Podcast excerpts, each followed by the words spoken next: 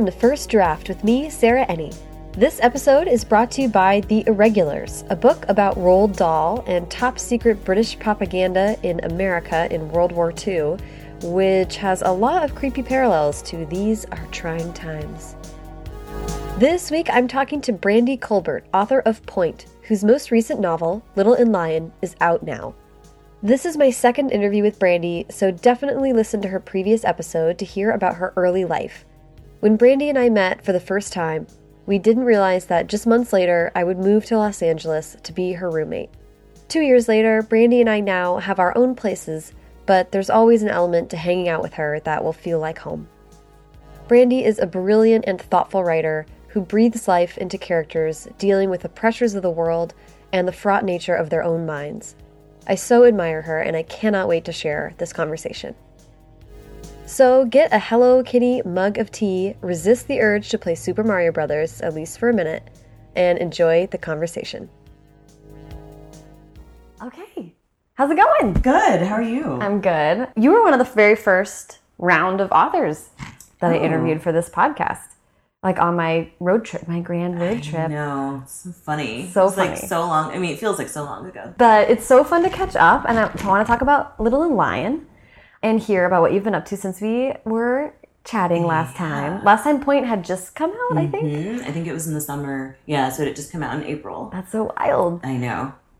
For I would love to start with how was the experience of I feel like Pointe is one of those books that came out and really built uh, word of mouth was incredibly useful for that book. It got starred reviews and people were talking about it, and it kind of, so the momentum kind of kept going. What was it like to have that experience? Yeah, it was surprising. So it got like one starred review, which I was like, cool. And then yeah, it got like recognition from libraries and like word of mouth was huge. I really say that like I credit Dahlia Adler with a lot of that word Really? of mouth. Yeah, I mean she has pushed it since the beginning and it just really resonated with her. Yeah. And I know that she um, has reached out to certain people that she think would like it and told them, and, Wow. and it's just sort of grown, you know, from there. So I think she had a lot to do with that. and and then having your debut book be I'm like trying not to say like runaway success. Like I don't want to like use these like EW words or something, but it was like a, it, it kept building. It got a lot of recognition. It was on lists. It's been used as a as a comp for a lot of other books, and that's that kind of sets some pressure. I mean, like what was what was that like? It was nice and it was surprising because it wasn't, you know, to be frank, it was not a big book at the house that published it at all. Mm-hmm. So it was nice to get that organic interest in it and to just say, like, you know, books can succeed through word of mouth Yeah. solely. Um, I think what surprised me was it was like a year after the book had been out, and then I started getting more invites to anything that I had ever gotten. Mm-hmm. And I was like, wait, the book's been out for a year. Like, are you guys sure? How funny! Are Yeah. you, are you sure? like, do you have the right author? Um, but yeah, so that was surprising to me. And then that sort of built because the more people see you, Mm-hmm. you know, on things and they're going to invite you or ask you to be on their panels and everything. And so then that felt like it built good momentum for some of the anthologies I've been in. right. And then also for my next book, you know, which there was three years between the release of Right. books. So And let's let's talk about that. By the time we were talking, when Pointe came out, you were already working on Little and Lion. Mm-hmm. I I think. Yeah, I was still working on it with my agent because we did not sell it for another year. After that, we sold it February 2015. Okay. So I was still working on it. It was really hard to get that down, that proposal. The book's been through a lot of different versions. So much like at this point, it just looks more like a Frankenstein to me. So, you know, I, I'm pretty bad at perspective anyway. I don't really have great perspective on my books. I'm just like, oh, people like this. It's like, cool. Well, I am to set the stage of where I'm coming from. Mm-hmm. I'm having like a really hard time right now writing my book. right. And I know that you had a tough time with this book, that this book kind of fought you a little bit. So I'm like, talk to me about it. Right. Like, I would love to hear how this story came about, first of all. Actually, you know what? Let's take a step back even more and just have you pitch Little and Lion really quick so we have some context for the Okay. book. So, Little and Lion is the story of Suzette, who is 16. Um, she grew up in Los Angeles with her mom and then her mom's partner, Saul, who's been with her mom for 10 years at that point. And then um, Saul's son, Lionel, and that's Little. Suzette is Little and Lionel's Lion. Um, and they're really close, even though they're not related by blood or even, you know, their parents aren't married. Lionel was diagnosed with bipolar disorder, and then her parents, you know, sent her away because they just didn't know how to deal with it.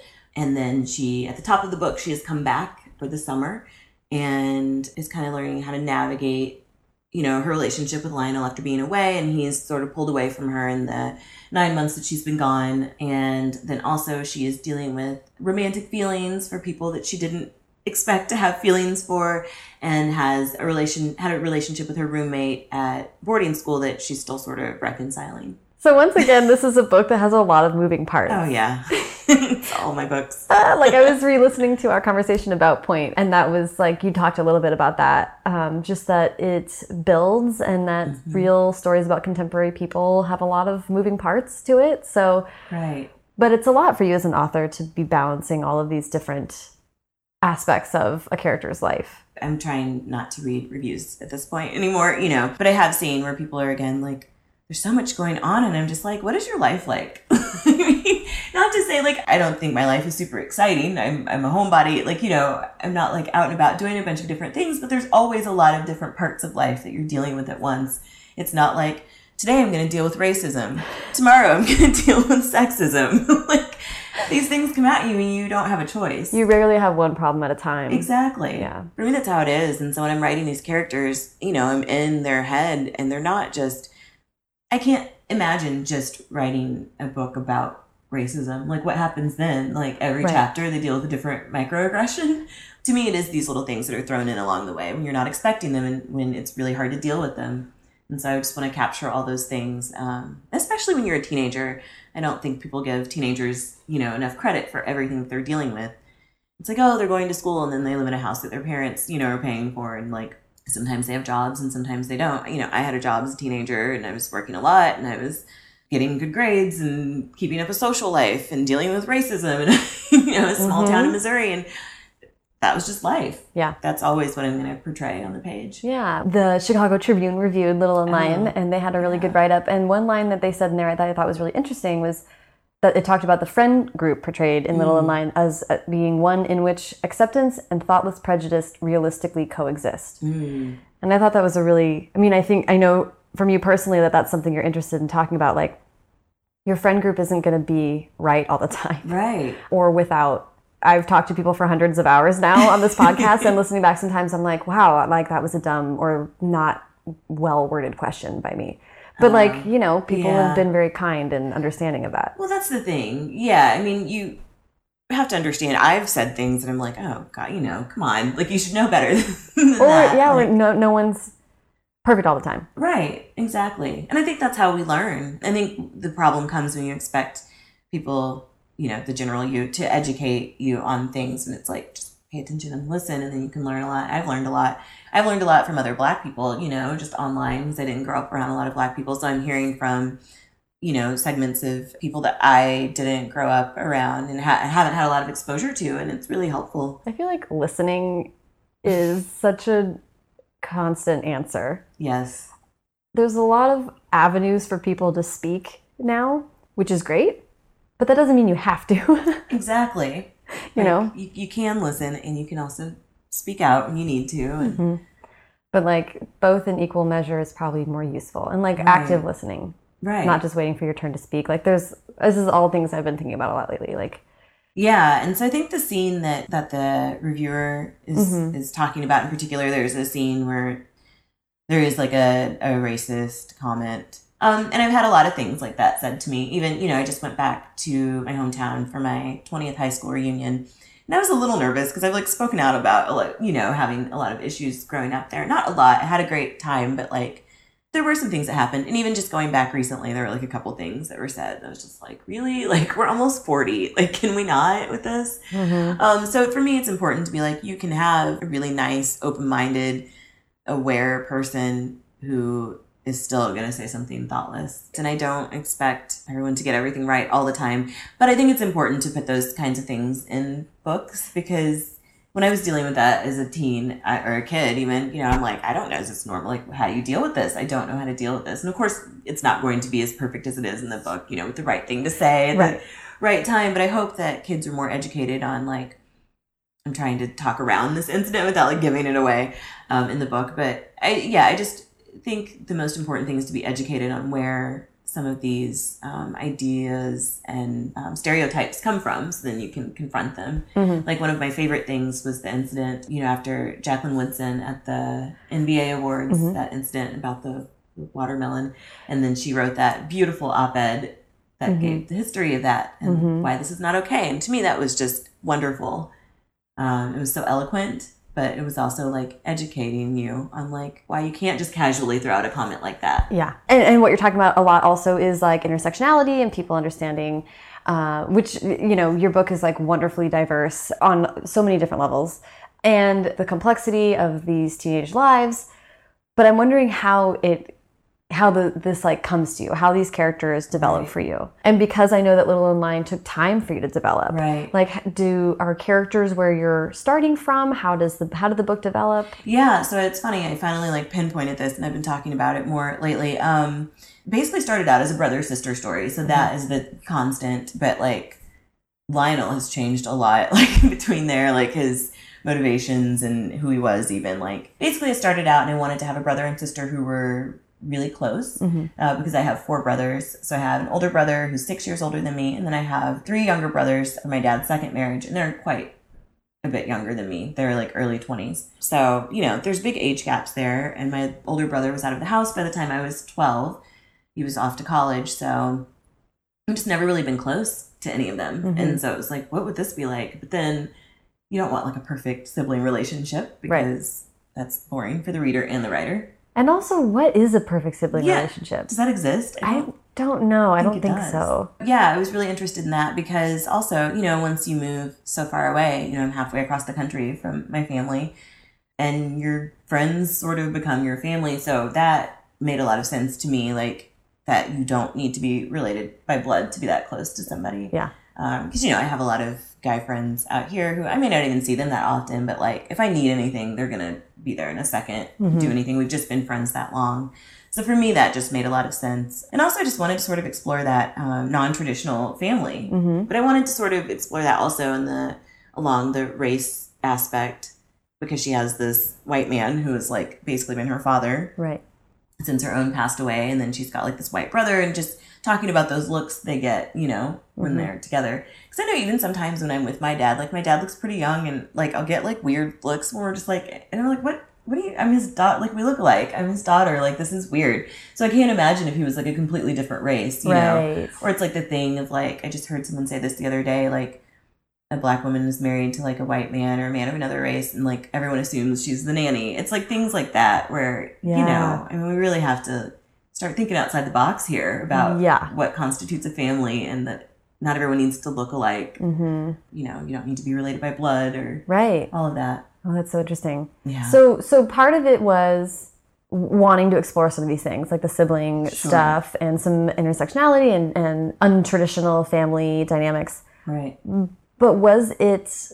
Were you following one character's voice? I mean, I know Mm. the story had to change so much. So, kind of, how was that? How did that develop? Yeah, I, I would say it's funny because it's Suzette's story, but it's sort of Lionel's um, storyline that guides Mm. the book, I think. Um, so yeah, then I wanted to throw sort of a wrench into their relationship and be like, well, what could like tear them apart, but not something you know, sort of superficial. Like, Mhm. although there is that um, aspect of them falling for the same girl, but it needed to be something bigger than that. And so I'm always interested in exploring things that I don't really know a lot about, and I always like to write about mental illness too. So I was like, let's write about bipolar disorder, you know, because I don't know anyone. I'm sure I know someone with it, but I, I don't, I'm not close with anyone Mhm. that I've talked with extensively who's had it. And the only thing I remember from my childhood, any exposure to it, was I had a friend in elementary school, and her mom, I remember they were always like, she's manic depressive, you know, like that Mhm. term back then. And not knowing what that meant, but just knowing that she had, you know, pretty extreme mood swings and that sometimes it'd come over and she'd be really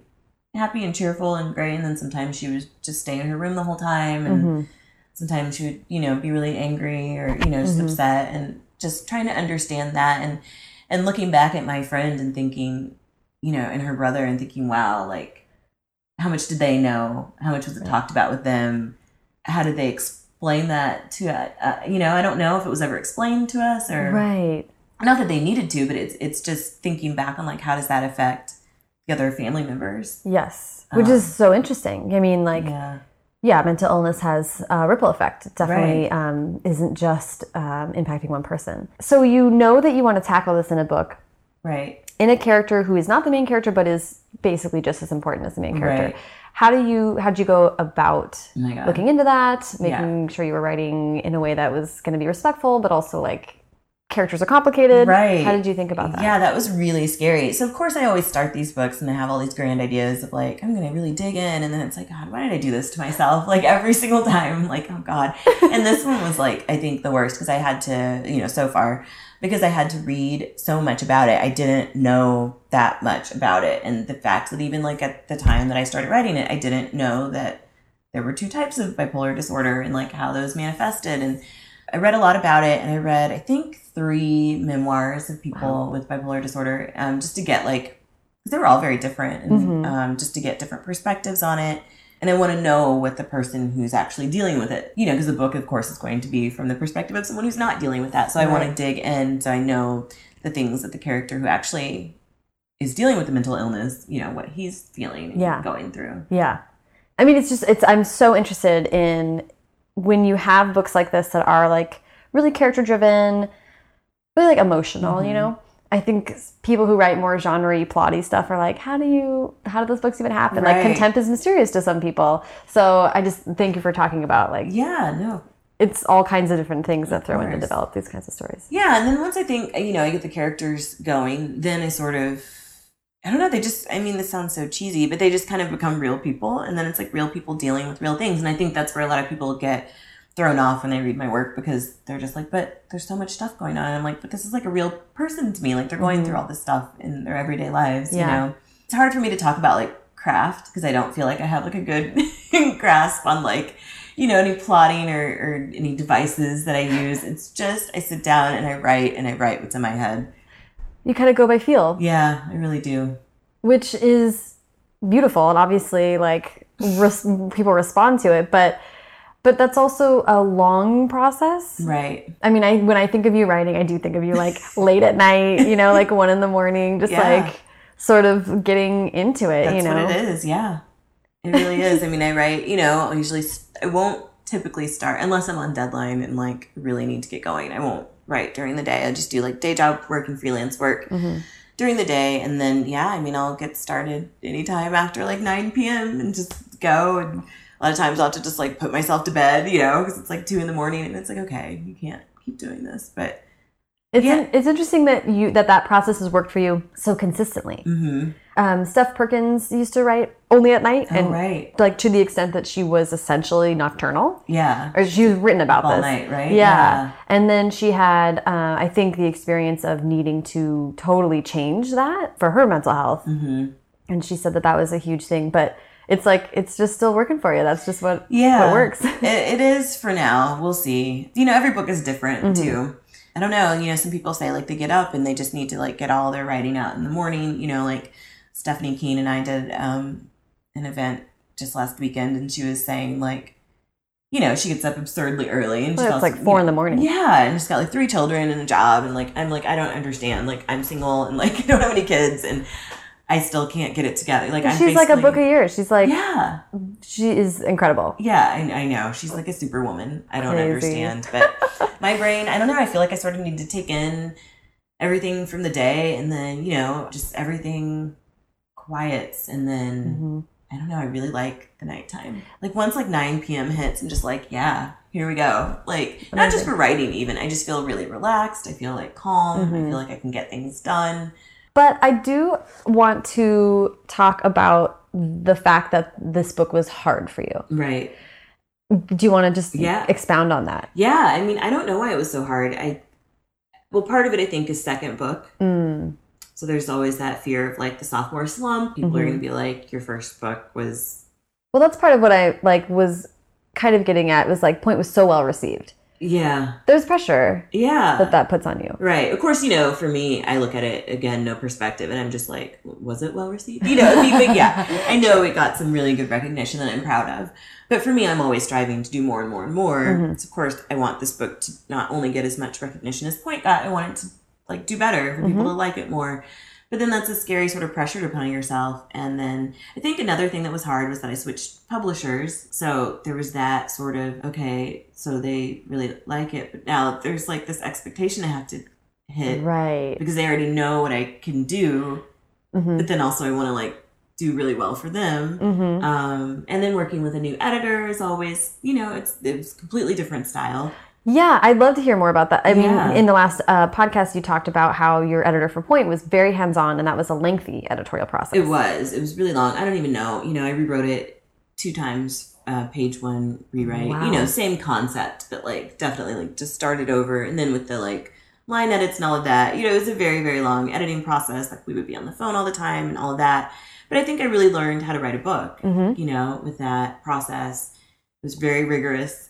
Um, and then with this, you know, my editor is great and she very insightful, but it was less intense, Mhm. like way less intense. And I was like, oh no, like it happened. But I mean, I think it is because I learned how to write a book. Right. And so, you know, I have all those first kind of editing tricks in my head of what to do and what not to do. And also, you know, I'm growing as a writer Mhm. and reading more and Mhm. reading different things probably that are helping that along. I think because I worked on it so long and it was with a different publisher Mhm. and had a different editor style, editorial style. Um, and I also worked with two editors on this one. So Oh. yeah, Little Brown's really great about like mentoring um, and promoting within the company. So my editor's editorial assistant worked on it Cool. with her. Yeah, which was like a different process for me. You know, I had some of that at Pointe, but it was like at the end of the book. Mhm. So that assistant caught like a lot of stuff that we had just read so much that we couldn't. oh yeah, you fresh know. eyes. Oh my goodness. yeah, totally. I mean, exactly. You need a pair of fresh eyes. But it was interesting working with two editors and then seeing their comments in the manuscript sometimes where one would point something out and then the other would be like, well, actually, this is fine with me. You know, or like, I disagree, but, you know, take this how you will. Kind of nice to have like a reminder that editing is a, a subjective art. Absolutely. Yeah. Because if it's just one person, you're like, well, then they must be right. Word and, of like, God. to take this. Yeah.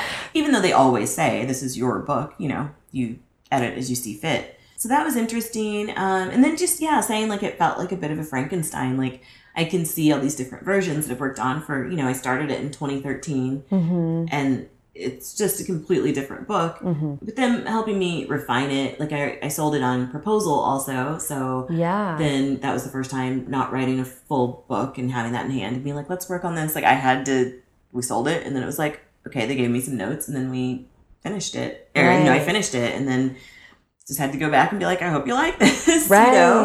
You know? So the editorial process was less stressful, but I think I put a lot of stress on myself because I just questioned myself so much for, for so many different, all of those different reasons. Yeah. Well, those are a lot of different pressures. Right. And and I like literally just came from a therapy session where I talked about this for an hour about like the pressure that I put on myself about other people's expectations. Oh. Like it's not even actually other people's Right. expectations, it's my projecting that. And and you're not, you know, I'm not gentle with myself. So I so it's like the least kind perspective that you're then like Same. yeah, you know, it can be very stifling. It can, and I'm like such a perfectionist. Mm-hmm. I just really want everything to be the best that I can possibly make it. So, and you know, I had a friend, I think it was Kelly Jensen. She said, you know, I was like really nervous. I was like, I turned it in, and she was like, "Well, I think that you're the type of person who would work on a book forever if you could." And I was like, "Yeah, I would." It's true. And at some point, I mean, that's a. I don't even know if this is attributable to anyone, but it doesn't have to be perfect. It just has to be done. That's like so real. It is. But I haven't even had the experience of letting a book go to Oh, be published gosh. yet, so I can only imagine. right i know it's it's just right 'cause it's just like this thing that you you know everyone says this all the time but it's this thing that is only yours for so long and mm-hmm. then okay it's yours and your agents and then yours and your agent and your editors and then the world has it you know and they're gonna bring whatever experiences they have to it whatever Mm. opinions and prejudices and everything you know. I, I saw a comment the other day i should stop talking about how i read my reviews. I'm like talking about reviews specific reviews but it was one that like had an issue with the representation of like the area where Suzette went to boarding school, and I was just like, oh, that's interesting because like a, a close beta reader and my agent are both from that region, and you know they didn't have any issues with it. So it's just like you know you bring all your own stuff to it, and you can't control how people are going to read it and what they're going to take away from it. I know like sometimes I'll read something and be like, wow, that's so offensive, and I know, but I know it's just me. It's Right. just me. It's, it's it's not necessarily an issue with the book. Um, Right. It's tough when you are basically what you're being asked by every reader to get their story right right. in some ways.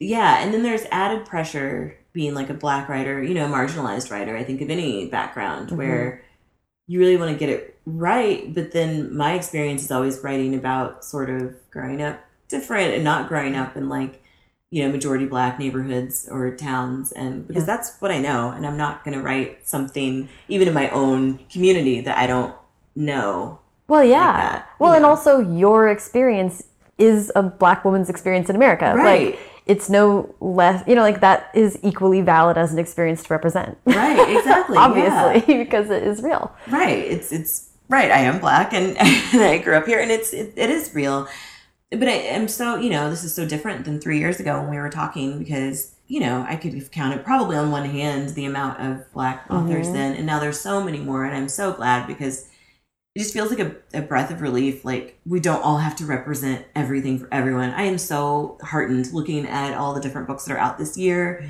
all the different voices so many we're all so different and Yeah. it is like wonderful. You know even you have the hate you give. God i love that book so much. Yay. and um dear martin which is also just an excellent book. Hmm you know nic stone and angie thomas they're both books about police brutality and growing up around that and it's they're so different. Yeah. you know And well, you have Jason Reynolds also writing contemporary, of course uh, and then Spider Man, right right and uh, Dhonielle Clayton getting to write The Belles, which Right. is like a fantasy story. Exactly. So- and Ibi Zoboi, you know, immigrant experience with American Street and Mhm. allegedly by Tiffany Jackson. I mean, just the fact that we can name all of those right off the bat, and Nicola, of course, Oh my God. Yes. killed it. You know, Crushing it. Yeah. Yeah. Nicola and uh, Nicola Yoon and uh, um, uh, Pieces of Me by Renee Watson. She's doing right? I just amazing bought work. that. I know, like, and Or Piecing Me Together. piecing me together. Yes, right? sorry. I know. No, I so bad with titles. Been calling my name by Liara Tamani, which comes out in Yes. October. Oh my It's gosh. so beautiful that I really connected with that book a lot. But yeah, just all these narratives, it just really like almost brings me to tears. Like thinking about how far we we still have very very very far to go, hmm but thinking how far we have come since the last time you and I talked is Yeah. really nice.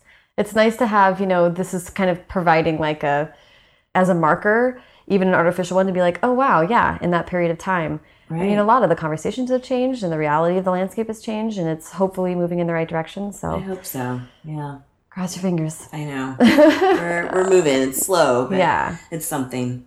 It is something. So, well, I would. I'm interested in because I know that Little and Lion was a challenging experience, Right. but that you are having a really good experience with this current book, which I don't want to like jinx by talking Right. about it, and I don't. You don't have to talk about a current project to whatever degree you're comfortable. But yeah. what do you think made it a different experience? Yeah, I don't know. So I mean, yeah, that book is done. So it was a two book contract, which was also new for me. Oh yeah, So I didn't really understand that, you know, once you're finished with one, then you have to start on the next one. Yeah. when did they did they have any expectations for what the second book was? No. And when did they start talking to you about the second book? Oh gosh, I think yeah, it was just a two book contract. I had no idea what I was going to write about at all. It was never discussed. You know, I don't know how if that's normal or luckily worked for us. Um, and then yeah, so Little and Lion was done like this time. I got ARCs, advanced reader copies, like in September, I think, and Mhm. so I'll get them at the. I mean, my third book's done. Like I'll get Right. those advanced reader copies soon too. So I was done, and then I owed them a proposal for book three, like right around this time last year, because I went to that re- we went to that retreat in Right. Nashville, the Madcap retreat, and I was like, I don't know what I'm gonna do. I had no idea, you know, I had no idea what I was gonna write. Well, you are also one of the, of the writers who doesn't have a deluge of ideas all the time. No, and I keep thinking like I'm gonna run out of things to write about, but I think because I'm not so plot heavy, Mhm. like it works. Like I'll just start writing about a character, and then it'll like come to me. So Mhm. it ends up working out. But sometimes I have to write different stories, and then they all like my agent will like read a bunch of different ones, and then finally like she'll read one, and it's like, oh okay, this this is it. Like all There's these something- parts that I saw you working on came together, and that's actually what's happening with the thing I'm working on now that is not yet sold. Mm. But for book three, yeah, I, I started it at that retreat, and it actually ended up being like the same story. I don't know what happened last fall, but I just I, I don't know. I wasn't working on it. I hope my editor doesn't listen to this. um, and then in January, I was like, I have to write a whole book, like in six weeks. And I did it. And I don't know, you know, it's a shorter book. It's shorter. It's like 275 pages, like, you know, laid out. I mean, I, yeah, I was talking to you and talking to other people, and like, mm-hmm. it was just pouring out of me, and I don't understand why or how. Do you think it was that you needed the fall as this like like a fallow period, and then you, yeah. especially like distancing yourself from the fact that Little and Lion was like challenging? Right. Yeah, I think so.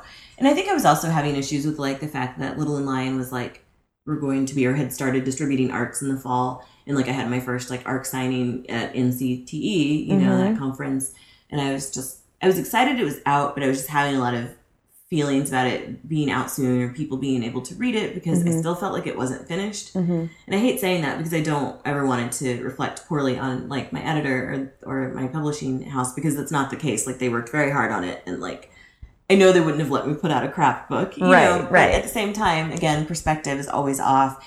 And so I was having a hard time sort of like dealing with that coming out and then knowing I had to get right back to work on another book. Mm-hmm. So yeah, I think I needed like just some time to like chill and also, you know, working on a lot of anthology stories and essays in between too. So having work to do, but like needing like a little bit of a break. But yeah, I mean, I'm that kind of person who, you know, I don't write every day. I still don't write every day. Sometimes I don't write for several days and then mm-hmm. I'll just write and I'll get out like 10 pages in one go, you know? Yeah. So I'm that kind of person. So that would make sense in the broader sense of like Yeah. working on a book. Do you also think, not to put this on you, but I've talked to so many writers lately where like the fall, the fall was hard because it was election season and we were all like consumed by news. Right. And then it didn't get better, Right. um, in a lot of our opinion. Yeah. And um, Yes. January feels like it was a good time to like maybe bury yourself in work. Mm. Yeah, that's possible. Yeah, because you know, of course, that you had to say goodbye to the beloved president, my beloved president, anyway, and Yeah. you know, say hello to some thing that I didn't agree with, you know, and so yeah. Maybe. kind of. I just really, you know, I barely left the house. I remember I had three social engagements in January. I went to see Zadie Smith talk um, with Maureen, and Yeah. I know, and then I went to two movies, and that was Oh it. my God, Brandy! I so know. funny. I had three social engagements. You're like, what? I ate olives outside Yeah. on Tuesday, and that was it. yeah, I mean, really, it was like wild. People couldn't believe it, you know. Wow. But I really like. I didn't go out. Like, I, I mean, it's not super healthy. Like, Well, it's a. I mean, I was again just talking to my therapist about this. About she and she brought up this Oscar Wilde quote, which is everything in moderation, including moderation. mm, Because I can be an extreme person too, and I Right. I can get into modes where like all of a sudden for a burst of two months I can write two thousand words every single day. right. But then like I haven't been writing for like a month or maybe more and it's just it makes me feel anxious, but it's also like listen, it's not gonna happen. Like when I sit down and try to focus, it isn't there. If you're not a machine. You can't make it happen if it's not gonna happen. yeah. So sometimes I mean like a hibernation month kind of makes sense to me. hmm But yeah, then you have to like emerge and be like, "Hi friends." Right, I know. Yeah, so it was like nice, but I think I remember. I think it was your pot. You talked to the Fug girls, right? Yes. Um, Heather and Jessica, and I remember Jessica saying when they were writing the Royal We that like she would like order and deli- you know, order in She grocery was deliveries. talking about like ruining her body. she was Right. like, "I feel aches and pains." Yeah, just from sitting so Mhm. long. And it was kind of like that. You know, I was like still going out for groceries because I live in this like sort of remote area where you have to drive like five minutes to get anywhere. But yeah, it was a strange process, but I felt so fulfilled working on that book. You know, I don't know. It's going to be hard when that book's out there because Mm. personal in some ways and not in other ways. And not talking about it specifically because we haven't like announced anything about it. But um, yeah, it might be hard to let go of that one. It'll be hard to hear people say things, you know, say Right. maybe disparaging things. Yeah, I feel protective of it. Yeah, that's Yeah. interesting. I mean, Mhm. it's I'm very happy for you that you had that experience with a book, you know, which is kind of rare. It was rare, and also like to write it and think it's another weird book where it's just like I don't even know, like this is what yeah, literally. So I wrote fifty pages, and I had to get them fifty pages, and then you know a synopsis. Mhm. At the end, like, and I was like, and I don't know what happens here because I have to write it to figure it out. I mean, who love does that. But I was like, I don't know. Like, I didn't know. And I, I feel really lucky to be with a publisher and an editor who trusted me enough, and they approved it, and Wow, you know, went through, and I didn't get any pushback on the plot ever, and that's you amazing. know, just edited, and that's it. that's so great. Yeah. What was that editing process like? That one seemed easier, and then so I had a new second editor working on that one. They did some switching around because the old editorial assistant got promoted and she started, I know, they're so great there. So she started working on her own books and Mm-hmm. Just wanted to focus more on that. So then I worked with uh, Nikki Garcia. The first assistant was Corinne Callender, whose book, um, I think it's called Hurricane Child, is coming out next year. Yeah. Oh my gosh, how great. Yeah, Wow. Corinne's wonderful. And Nikki is great too. Um, And your main editor is Alvina, Alvina Ling. Ling. Yeah, I should just name everyone. Um, yeah, so Alvina Ling's the main editor, and then Nikki assisted on this one, and it was just really wonderful. Nikki just really, really got these characters, and she would just be like, "Well, I don't know if she would, you know, react like that," and I'd be like, "Oh my god, you're right! Like, how do you know this?" That's really cool. yeah, to have that. That's really cool. Yeah. I had the experience once of a book, the book that my agent signed me with. Mm-hmm. We when we finally got around to subbing it, she called me and she was like, "Listen, this is so weird, but there's one line in the book that I think we should cut before we go on sub." And she said it to me, and I was like, "I've always felt weird about that line," Right. and it was just like, "Cool." Yeah, my agent will be like that too. And you have that feeling, but for me, it's like a weird thing where it's like, oh, like something's off, but I don't know what it is. And Or is it just me? right. It's hard to tell. It takes sometimes that person pointing it out and Yeah. being like, I've never sat well. And Nikki, that happened with her a few times. We were just like, I've never sat well with this line. And I'm like, yeah, me either. Right. Like, yeah, like let's get rid of it. So Right. sometimes you need permission to do stuff like that because you're taking so many. For us, as the as the person writing it, you are taking risks with every line. oh, everything. and every reaction i mean like so so at some point you're exhausted and you can have really strong feelings about certain parts of it and other parts you need people to be like this does or doesn't right. fit with everything else you're doing Right. It's hard. You know, a book is like a huge endeavor. And i had a screenwriter once tell me like you know sort of was like in awe of the of writing a book and and he was like you know i just i don't think i could ever do that and i was like well i mean it's really hard but you do this and that and the other thing and over the last year i've been like no he's right like this Let's is way stop. harder I know. Well, I always look at screenplays, and for me, because it's so structured, that like really, whenever I read one, I'm just like, ooh, it like makes me so anxious because I think repels writing you. one. Yeah, I know. Like I love, I love reading them, and then knowing like that's how my favorite TV shows get to the screen. Right. Like that's amazing. But to sit down and write that and have like all you know, like beat and all this, like yeah having having the structure of story dictate the story exactly. Thank you. like when I think about writing a script, it's just entirely different ideas. yeah, right. I don't think I could even write young adult. Yeah. It would be hard for me. All the ideas I have that want to be scripts are adult. yeah, It's just totally different. yeah it's just so much um for me you know it's just with such character driven material Mm. there's so much emotion that i want to put on the page directly Yeah. especially for ya Yeah.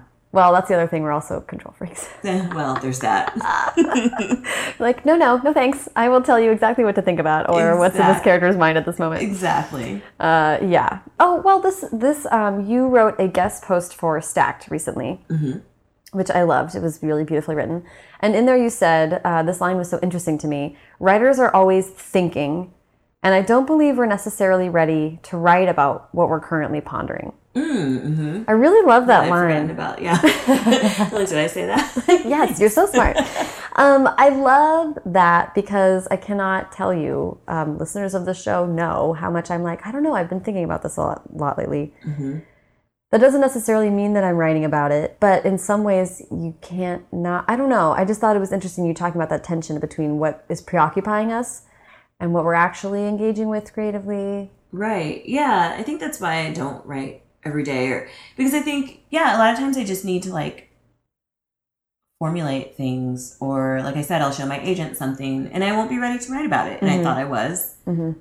but I wasn't. And so I need to like think about it some more. Yeah. Or maybe just even consume other viewpoints, I Mhm. guess.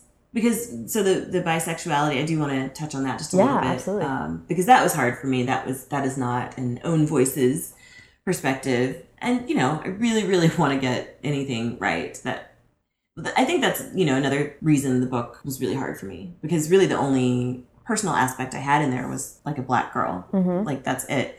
You know, so I, I don't I didn't have that personal experience with bipolar disorder, like not even knowing, not even having like a close friend with it. And, you know, I'm identify as straight, but I have friends all over the LGBTQ spectrum. So And in that book, you have a character with Meniere's disease. Oh right, and yeah. uh, and and pansexual character. There's like a lot. Yeah, and none of that is is familiar to me. Mhm. So I wanted to make sure I got it right. But I had been sort of writing these characters, bisexual characters, or sort of like plot lines or like thinly veiled, you know, like uh, into stories that I'd shown my agent for a while and she was like why don't you just like she's like i feel like you're writing around this and she's mm. like you know i don't want to tell you what to write mm-hmm. But i'm seeing all these things and like it seems like this is something you want to explore maybe you should just go for it and so that was really scary because then i added that element into the story i don't even know if i felt like i was ready to write about it at that i I don't think I would ever feel like I was ready. Right. I probably still would have been trying to pepper that into my books. So it's like, why mm-hmm. not just go for it, like she said? And I don't know. I never want to appropriate like a, a, a voice or a, an identity, mm-hmm. you know, that's not mine.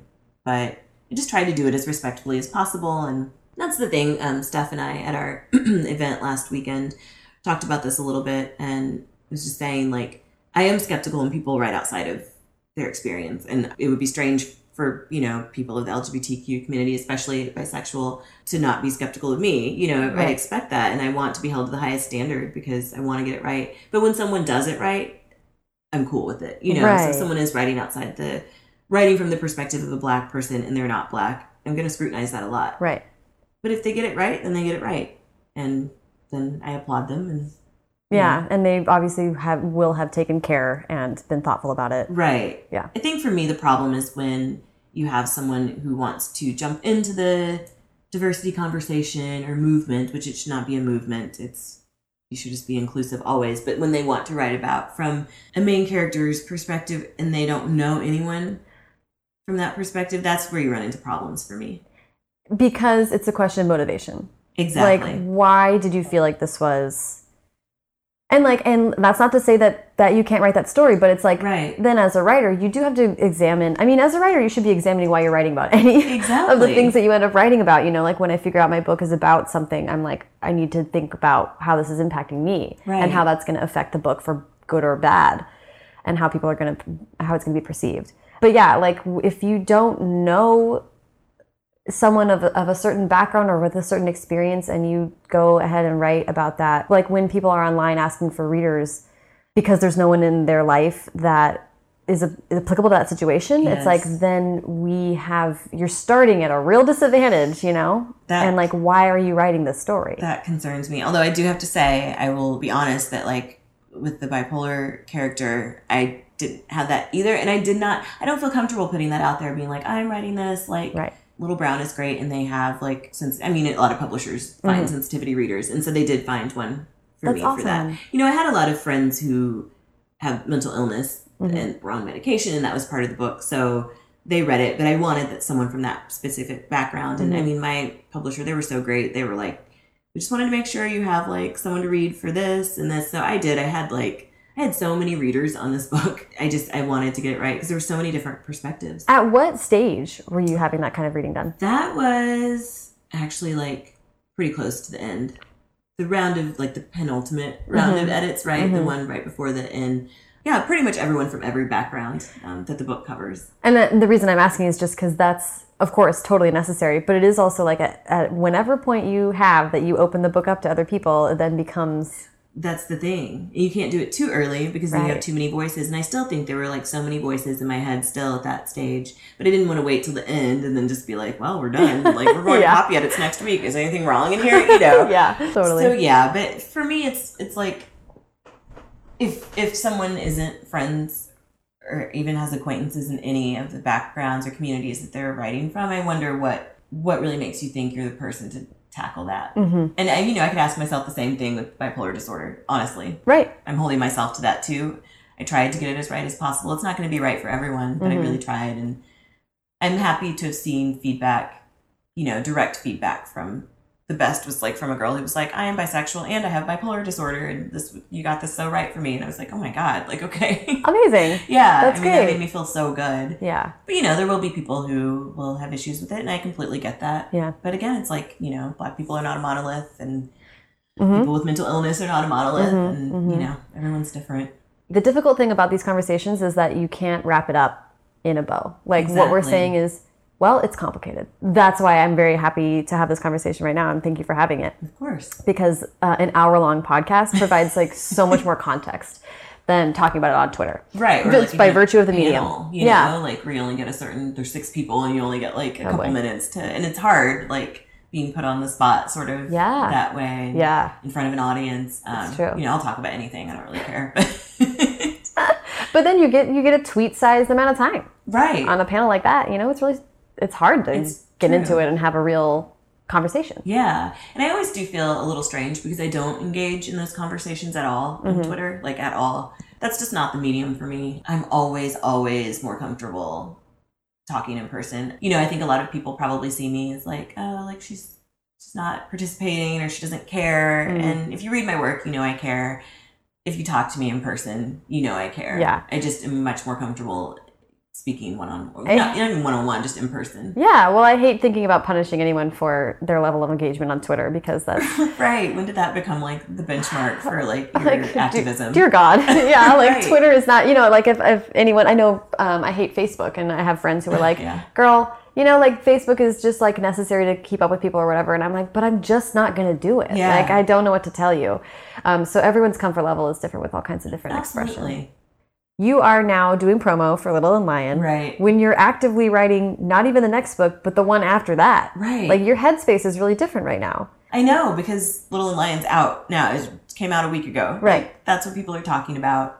No one's thinking about my next book, you know, unless maybe they've read Little and Lion, but like no You one's can't be like, I'd rather talk about this right now. right exactly it is weird because you're i wrote it so long ago i always try not to put like trendy stuff in my books anyway just because i don't like it being dated so much but i mean we don't have control over how the world is Oh, going yeah. to change especially now yeah. it's just strange to be like i'm done with my next book and it comes out in like a year but that's how i felt about little and lion Mm. and you know We're asking you to live with your previous self right in real time, which is a little odd. right no that's true i don't know i guess that's why it's like always write what you want to write Yeah. don't write for anyone else and don't write for trends You know? You're gonna have to answer that answer to it for a long right time. Right, exactly so that's why i always just really try to write what i love and what i'm interested in and i mean thank god i have a publisher that lets me do that Yeah. you know and that seems to understand and yeah i don't know it. it'll be interesting to see how i feel about you know saying i might hate the third book when it comes out next year i don't know but again that's just being like a writer with no perspective and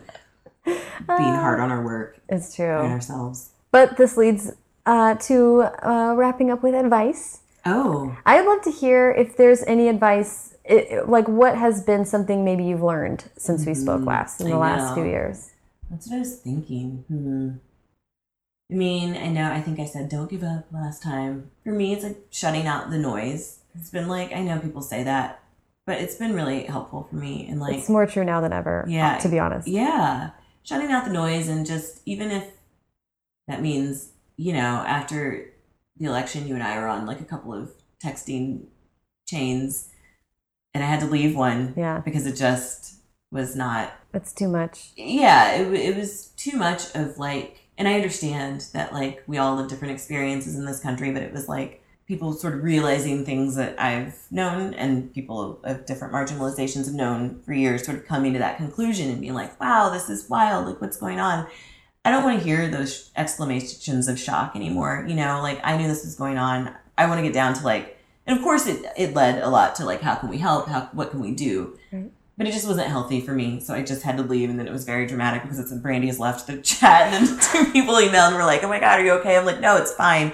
I just had to leave because it wasn't working out for me. Yeah. It wasn't what I needed to hear. At that Yeah. The point. conversation isn't helpful for Yeah, you. Or, and I think that's when I was like writing the book, and I was just like, I can't. But yeah, just shutting out the noise and and just taking care. I guess take care of yourself is really like Yeah. my ultimate. By shutting out noise or the news, I don't mean like disengage from what's happening in the Oh, world. no. But like moderating your intake of it can be like we sort of have to if you want to be a creative person you have to be able to focus in your own mind and that's very challenging if you're like getting like i mean the, the group texts are like i have all mine on silent because i'm like i can't be getting a hundred pings I do that too. Yeah, even like the ones that are just like literally I have a chain with friends who just send cat videos and cat pictures. yeah even that is like disruptive you know Right, you have to get to a place of deep concentration and i think a lot of us have realized that we took that for granted Absolutely. And I think just being like honest with friends and just being like, I can't deal with this right now. absolutely Um, just, yeah, taking care of yourself, stepping back when you need to. um thank you so much brandy Oh, thank you. This was such a delight. I know. I loved it. let's catch up next time I can't wait.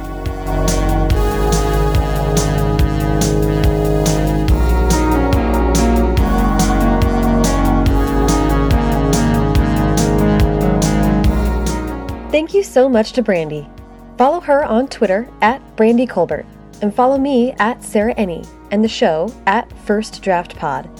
You can follow the show on Instagram and Facebook too, but for links to everything Brandy and I talked about in this episode, as well as a searchable archive of previous interviews, and to sign up for the First Draft newsletter, be sure to check out firstdraftpod.com. If you have any burning questions you'd like to hear me and or some author friends address, send them over in an email to questions at firstdraftpod.com. It's that time of year again, and I am putting together another first draft calendar featuring the most inspirational quotes from this year's episodes. I'm opening up a vote to determine which quotes will make it to the final calendar. Uh, look for the link in the show notes to this episode, or on Twitter or Facebook, or in the First Draft newsletter. Be sure to vote for your favorite quotes from the year, and stay tuned for your chance to pre order a calendar very soon. If you like what you heard, please leave a rating or review on iTunes. Every five star review makes me feel like I'm hibernating and writing the great American novel. Thanks to Hash Brown for the theme song, and to Colin Keith and Maureen Gu for the logos. Thanks to super intern Carter Elwood and transcriptionist at large Julie Anderson. And as ever, thanks to you, binge watchers of Real Housewives, for listening.